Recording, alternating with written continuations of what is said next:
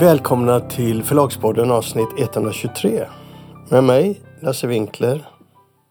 Och med mig, Kristoffer Lind. Bra. Och det här eh, har vi rätt mycket att prata om blev det plötsligt så att säga. Plötsligt så rusade in eh, massa intressanta grejer. Pressmeddelanden här, precis sam ja. samtidigt som vi skulle sätta, sätta oss ner och börja podda. Exakt.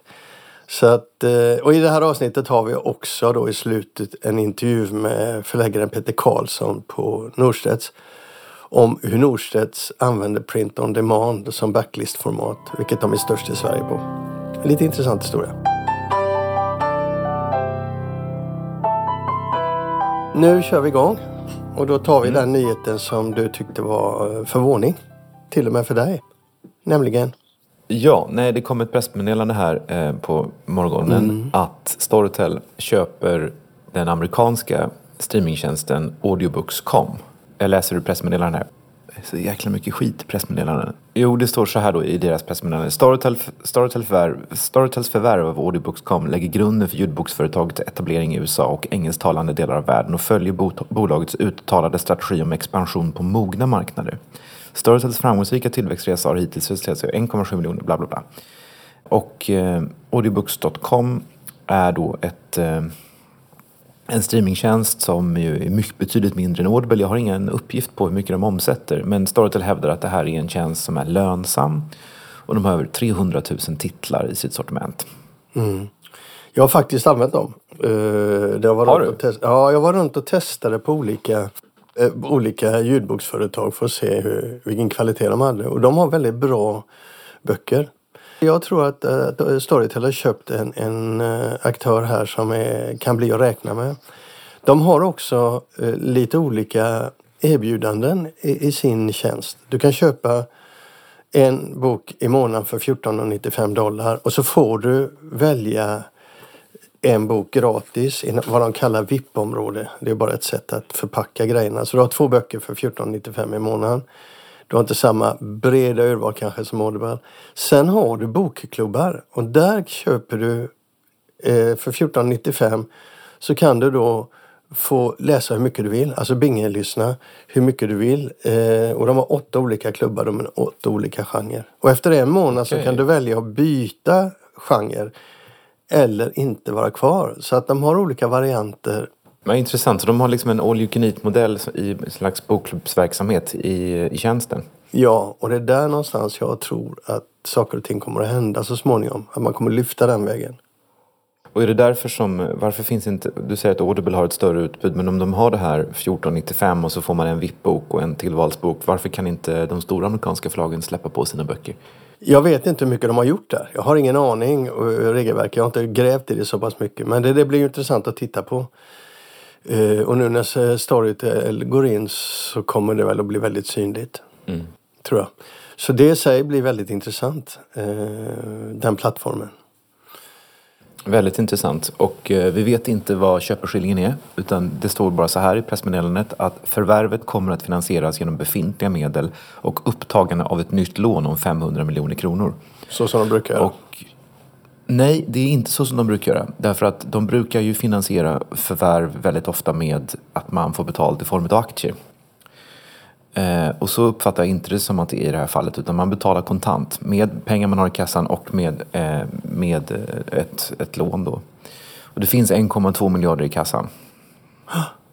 Ja, man har fler uppköpskandidater på gång. Det betyder att du nu som blir tvungen att ta eh, Storytel-aktier, mina ordval inte dina, eh, är delägare i eh, audiobooks.com så småningom. Ja, indirekt blir det så. Ja, hur känns det? Ja, det känns eh, roligt faktiskt. Eh, men, ja. nej, men det, det, är ju... Eh, det är ju oväntat därför att jag uppfattar det här som, jag säger uppfattar hela tiden men det beror på att jag garderar mig för att jag faktiskt inte vet. Den amerikanska och den brittiska eh, ljudboksmarknaden har ju varit en marknad som man har hållit sig undan. Inte bara Storytel utan även andra svenska streamingtjänster. Och Bookbeat gjorde ju ett eh, försök att slå sig in i England. Och trots att Bookbeat hade Bonnier Books i ryggen så gick det liksom inte. Man kunde inte förklara sin modell med med all you can eat, eh, trots att Bookbeat har fasta ersättningar och så här. Så det, det gick liksom inte att lansera det. Det är också väldigt stora marknader, det är få aktörer som har väldigt stora marknadsandelar, så det är knepiga marknader att ge sig in på, konkurrensen är jättestor. Och därför har man hållit sig undan och, och, nu bryter man då mot den strategin med en ny strategi, att, att man ska växa på mogna marknader. Så det, det är ju något nytt. Mm, men det här är alltså, det kanske vi ska säga till lyssnarna, när vi säger mogna marknader så betyder det att de är stora. Precis kom det en artikel i Bookseller som berättade att eh, 2021 ser ut att slå nya rekord.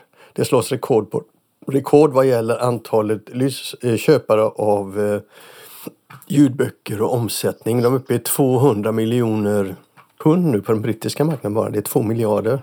Det intressanta här är att det ökar något så otroligt. Tvåsiffrig ökning nio år i rad i USA och sju år i rad i England tror jag va? Ja, så att de, de gör det väldigt, eh, de tycker att det är väldigt stort där.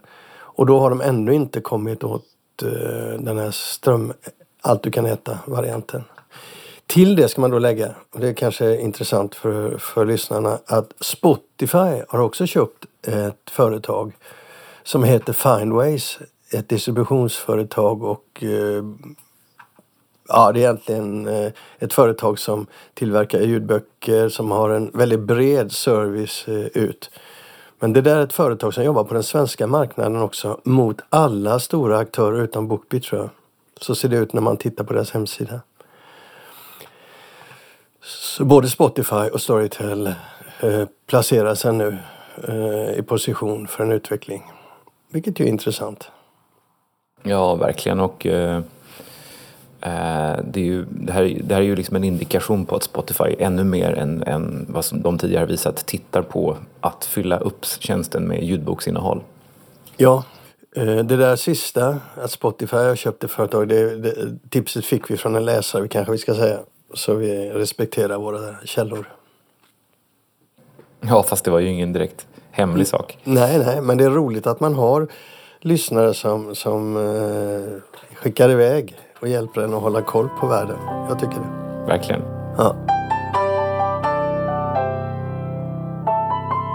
Strax efter att vi avslutade vårt samtal om, om Storytels köp av amerikanska audiobook.com så kom Storytel med ett nytt pressmeddelande, en så kallad korrigering, där man redogjorde för kostnaderna av köpet. Och där berättar man att man har köpt företaget för 1,2 miljarder kronor på skuld och kassafri basis som man skriver då. Så att det är rakt av köp och det är inte inblandat som vi sa förut några aktier i detta utan det är rena pengar. Det intressanta med det är att det är så stor summa och egentligen är audiobooks inte så stort om man tittar på siffrorna. Så eh, det förstärker det vi har sagt och sa alldeles nyss att det här är ett så att säga ett eh, ska man kalla det? Ett eh, fotfäste på den amerikanska marknaden för vidare expansion. Det ska bli mycket intressant att se hur Storytel utvecklar sin strategi på mogna marknader. Vi pratade lite om det i det förra inslaget och vi får återkomma till det.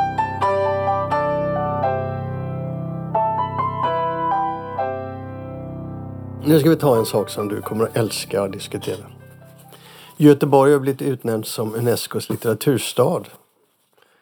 Eh, vad tycker du om det? Nej, men jag vet inte ens vad det innebär. Nej. Och det gjorde inte journalisten som eh, skrev en liten blänkare på Dagens Nyheters kultursidor. Jag vill läsa upp den och ha som ingång till mina tankar om det här. Först är rubriken Göteborg som litteraturstad. Det är lite som när Obama fick fredspriset. Den har hen inte skrivit. Utgår jag från. Och ingressen. Att Göteborg som första stad i Sverige utnämndes till Unescos City of Literature är inte så lite förbryllande. I prosan och poesin har den ju så sällan märkts av, skriver hen. Det var ingressen och jag är inte säker på att hen har skrivit den heller. Men här kommer. Litteraturens frånvaro var förstås inte ett avgörande skäl till att jag flyttade från Göteborg. Men inte heller alldeles ovidkommande. Därför är nyheten att staden som den första stad i Sverige blivit Unesco City of Literature inte så lite förbryllande. Hade den utsetts till musikstad eller filmstad för den delen hade jag inga invändningar. Men litteraturstad, den som är så olitterär. Det handlar inte bara om brist på satsningar eller institutioner. Det handlar inte om brist på satsningar eller institutioner. ABFs rödvinsstimmiga författarsamtal på restaurang Trappan hör till några av de mest underhållande och givande jag varit på. Programpunkterna på Göteborgs litteraturhus är oavlåtligt lockande och bokmässan har också sina stunder. Men i prosan och poesin, och det är ändå kärnan, har den sällan märks av. Essen, Lydia Sandgren och Claes Hylinge kan väl inte ensamma bära upp utnämningen. Det känns lite som när norska Nobelkommittén 2009 beslutade att ge fredspriset till Obama. Välmenande som en lyckönskning eller bekräftelse på att man är på rätt spår, men likaväl helt fel. och du är kränkt nu å Göteborgs vägnar? Eller? Ja, det skulle man ju kunna tro. Nej, nej, absolut inte. Vem var det som skrev det där då? Ja, jag vill inte säga det för att... Jo, men det är väl inget hemligt? Nej, men jag kan ta det sen. Lyssna på min, mm. min eh, argumentation. Ja.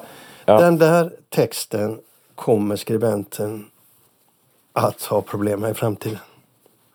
Det kom, den kommer skribenten att ångra otroligt mycket. Därför att den har ett jättestort problem. Den slår neråt. Och det där är no-no när man är journalist och, och, och opinionsskribent eh, och slår neråt. Därför vad gör den? Jo, alltså att bli utsedd, och nu får du reda på vad det handlar om, mm. till Unescos uh, City of Literature är ett enormt jobb. De inblandade i Göteborg och då, då utgår du från att den här idén startar i huvudet på en poet, en isländska som heter, hette Kristin Björna, Björnadottir och som var ordförande för Författarcentrum Väst.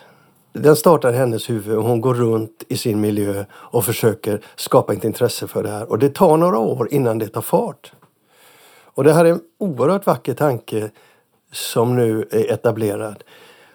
Plötsligt så börjar alltså folk i Göteborg att samlas runt den här idén.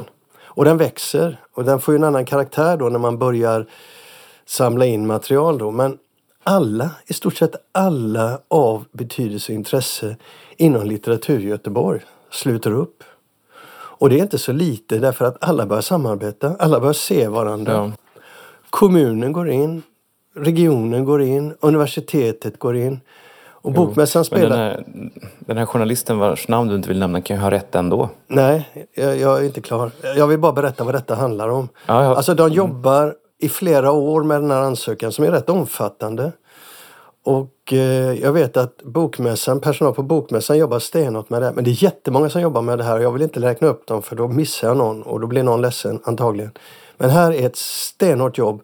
Det startar 2016 och blir etablerat 2021. Och tittar du på ansökan eh, så är den väldigt bred. Mm. Man kan ju skratta åt den för de har ju maxat allting så att säga. Varit välvilliga när de har skrivit det här som varit så välvilliga de kan mot sina egna grejer. Vad innebär det då? Jo, Unesco använder sitt goda namn, sitt rykte, sin historia och fokuserar på att etablera ett samarbete där de kräver att det finns en tillräcklig tyngd i ansökan.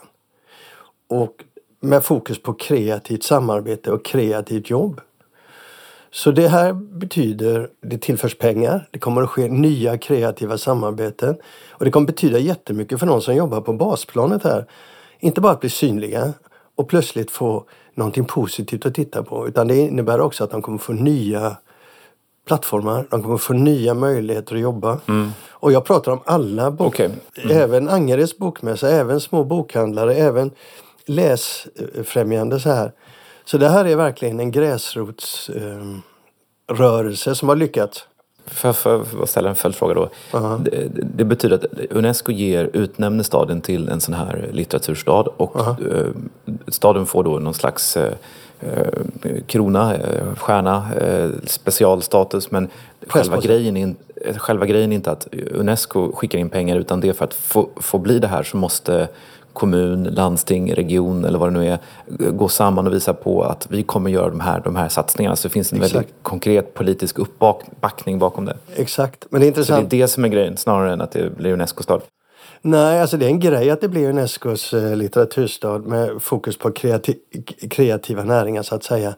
Det, det, sätter ju trycket på politikerna också. Det sätter trycket på de som jobbar med det här att verkligen åstadkomma någonting. Ja. För annars så blir det väldigt synligt. Och, och internationellt samarbete och så Så att jag tror ju att man ska istället vara väldigt glad för detta i Sverige.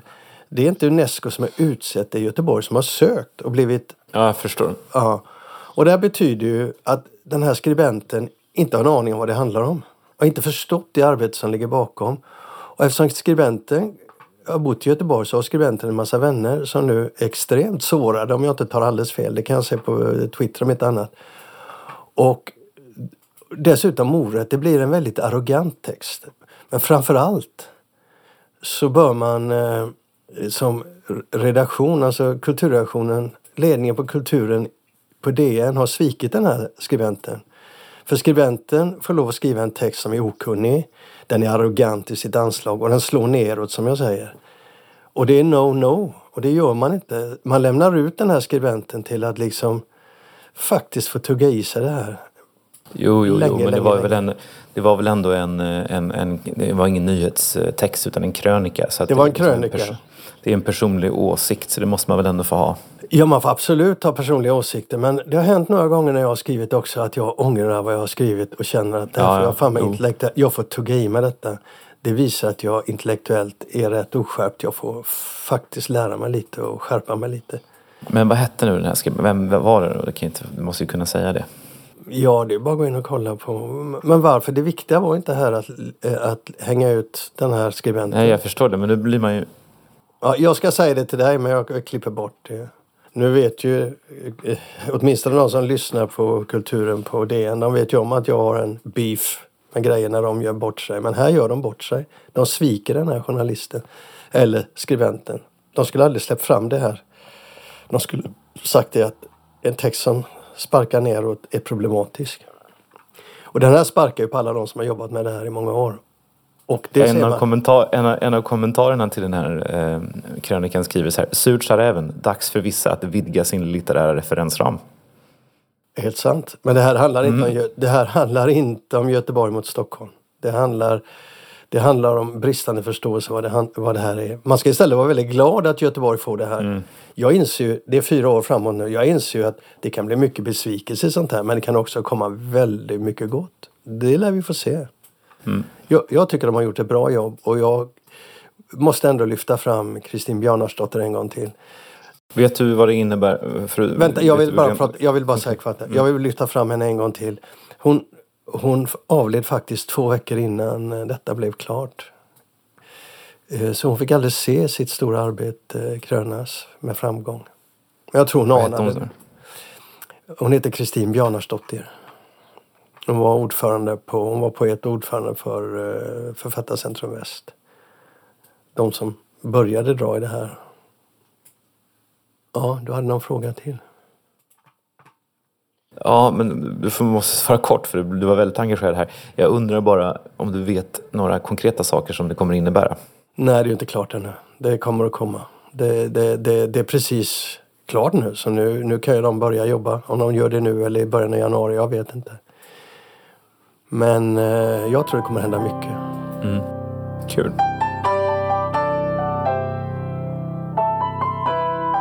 Ehm, I förra avsnittet förra veckan så talade vi om att eh, litteraturstödet har ju högst tillåtna F-prisnivåer och att detta ställer till det problem för förlag som nu börjar höja sina priser. Och Kulturrådets priser har inte, enligt uppgift som vi har, höjts sedan 2013. Jag fick ett brev från en förläggarkollega som jag tyckte var lite kul så jag tänkte vi kunde läsa upp det för det är en, en, en eh, det är väl i och för sig ett inlägg i debatten om, om, om priser eh, och fasta priser och fria priser. Men, men det var ändå en, en aspekt av det här med priser och böcker och värde på böcker. Det är Ola Wallin på Ersatz. Han skriver så här.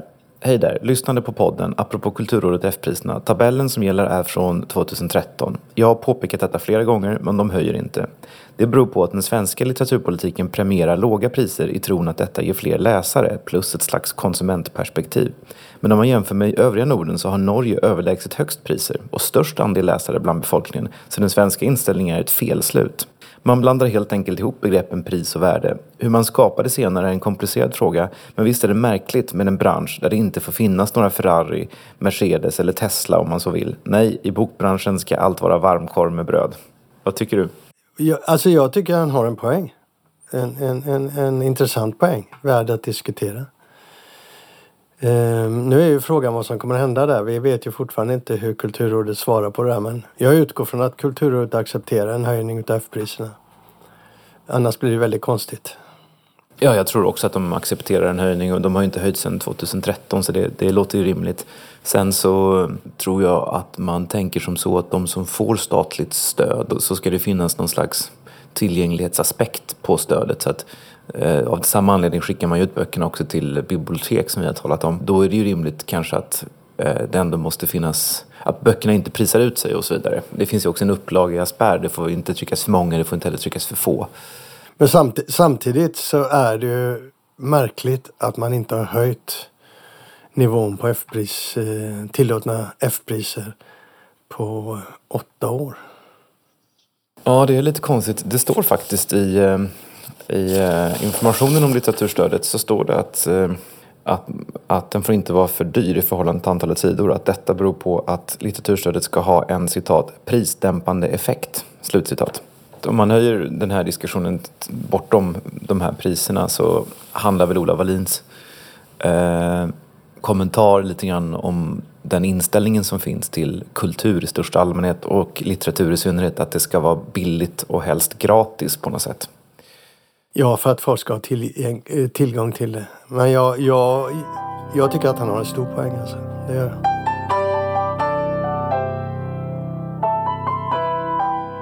Nästa inslag i podden är nu alltså ett samtal som jag har haft nyligen med Peter Karlsson på Nordstedt som har ansvarat för Nordstedts eh, print on demand verksamhet de senaste tre, tre och ett halvt åren.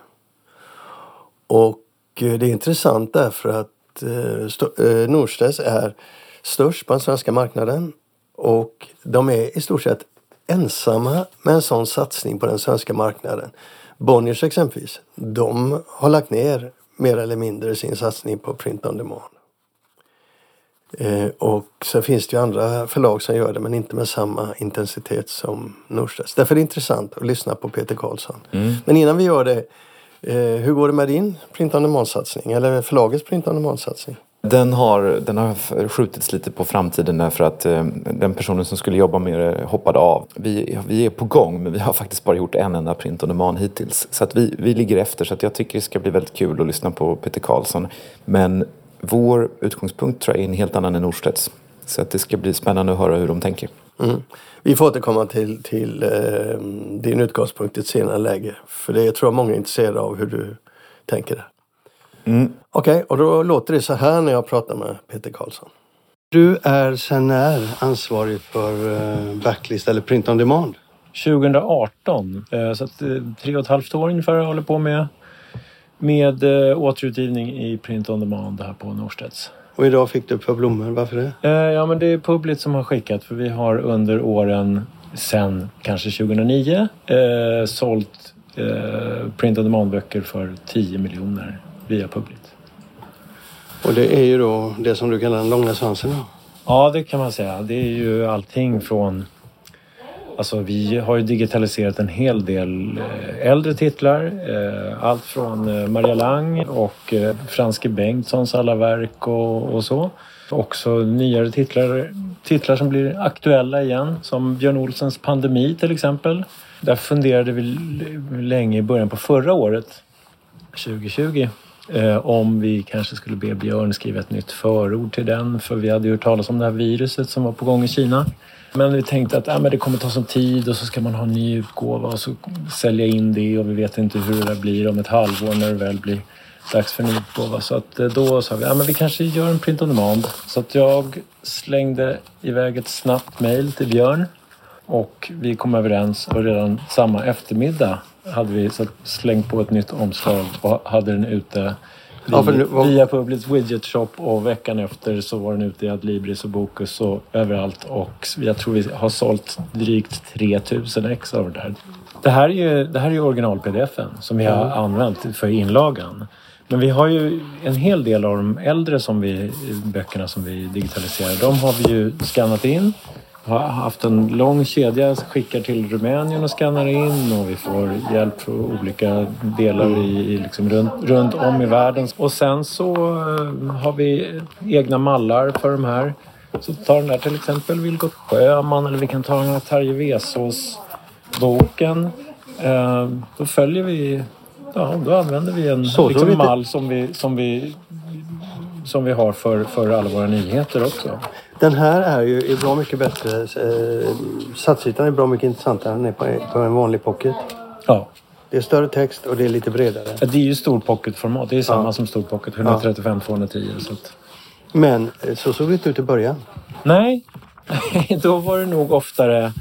Antingen var det väl facsimil, alltså ska man gå tillbaka 15-20 år nästan till den här första ja. print on demand, då såg det ju ganska, ganska hemskt ut. Eh, då var det ju ofta bara avfotograferat och ganska pixlig kvalitet. Alltså. Men hur många titlar har ni nu tillgång till? i det vet jag inte. 800 kanske? Någonting sånt. Jag vet inte riktigt. Vilka är, stor, vilka är storsäljarna de senaste åren? Ja, pandemi, men det är ju en specialutgivning av den då. Men ja, Dagermans Tysk höst till exempel. Virginia Woolf, Orlando. Sen har vi till exempel eh, Det gudlösa folket.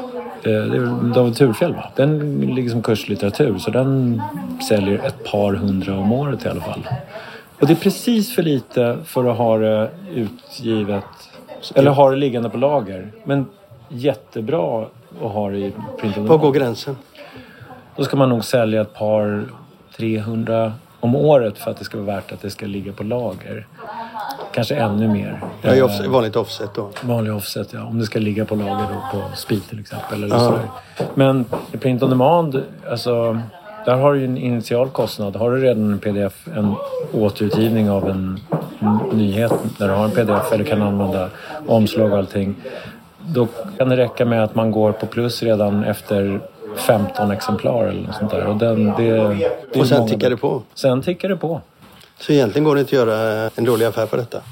Inte på vissa av de där. Jag menar en del är mycket mer, eh, mycket större kostnader för att man ska eh, skicka, digitalisera och, och och Alltså, ja, allting när, du, när du och- plockar och upp djupt ur ja, arkivet som Terje Vesas här Ja. är ju en gammal bok. Ja, ja, precis. Hur, när kom den ut första gången? Den kom väl ut någon gång eh, på 50-talet. På LT tror jag det var. Och sen så häromåret när vi gjorde ehm, Fåglarna i klassikerserien. Så, så då tog vi ehm, Rubbet. Då tog vi rubbet av allt som har funnits utgivet.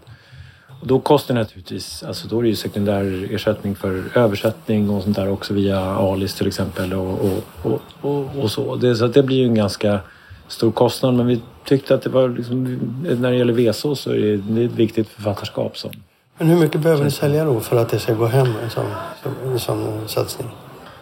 Alltså VSO, ja det, det är nog en hel del mer och det vet jag inte om det riktigt gör för varje enskild titel. Utan där ser vi nog det som liksom ser på författarskapet Ja, men jag är intresserad av Och- lyssnarna att förstå eh, den här tekniken idag, hur långt Mm. den har kommit och så. Så om du ger ut säg, fem stycken böcker av Terje Vesas runt den här som ligger ut i klassikerserien Mm. Så är det ändå en satsning ekonomiskt. Mm. Hur räknar ni hem den? Kan ni räkna hem den? Ja, det är väl lite svårt att säga på VSO. Jag har inte riktigt... Det måste, där måste vi nog komma upp i ett par hundra i alla fall per titel. Alltså, För att den ska gå för hem? att det ska gå hem. Det tror jag. Eh, jag tänker på översättningskostnader och, och lite så. Men på, på svenska, vi har ju till, till exempel givit ut Vilgot Sjömans backlist nu. I stort sett, nästan alla titlar. Och då, då är vi uppe i... Jag menar den... Det går ganska snabbt ändå att- få igen den kostnaden. Det går på en 20, 30, 40 ex- exemplar eller något sånt där. Jag tror väl att det är så att många av titlarna går kanske inte runt. Men Totalt. totalt, sett. Och det är ibland som med, egentligen med all annan bokutgivning så är det liksom svårt att säga exakt i förväg exakt Mm. vilka. Hur ser läsarna den här? Det är nog oftast sökning helt enkelt. Att man, man söker på ett författarskap. Ehm, är det oftast.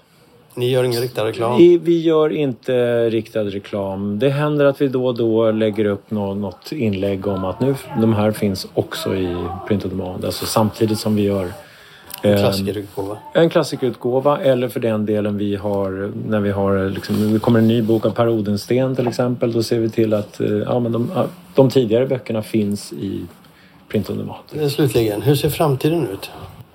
det, fin- jag menar, det finns massvis med titlar som det finns ett fortsatt intresse av efter att de har tagit slut i lagret. Och det bär sig inte riktigt att trycka upp en ny.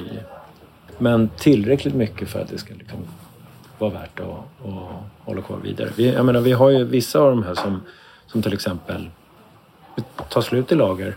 Så ser vi till att de i princip dag, dagen efter finns som print on demand. Vad ligger snittpriset på de här? Ofta ligger de väl på 160-170 ute på Adlibris och Bokus. Hur mycket omsatte ni på podd förra året?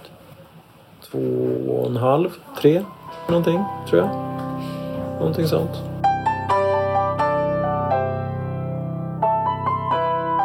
Det var allt för Förlagspodden avsnitt 123. Och nu är jag väldigt trött på mig själv. Efter ett sånt utbrott höll jag på att säga. Ja, tack. Det hör till, det hör till. Lyssnarna har vant sig, de är luttrade. Tack för idag. Tack för idag. Hej. Hej.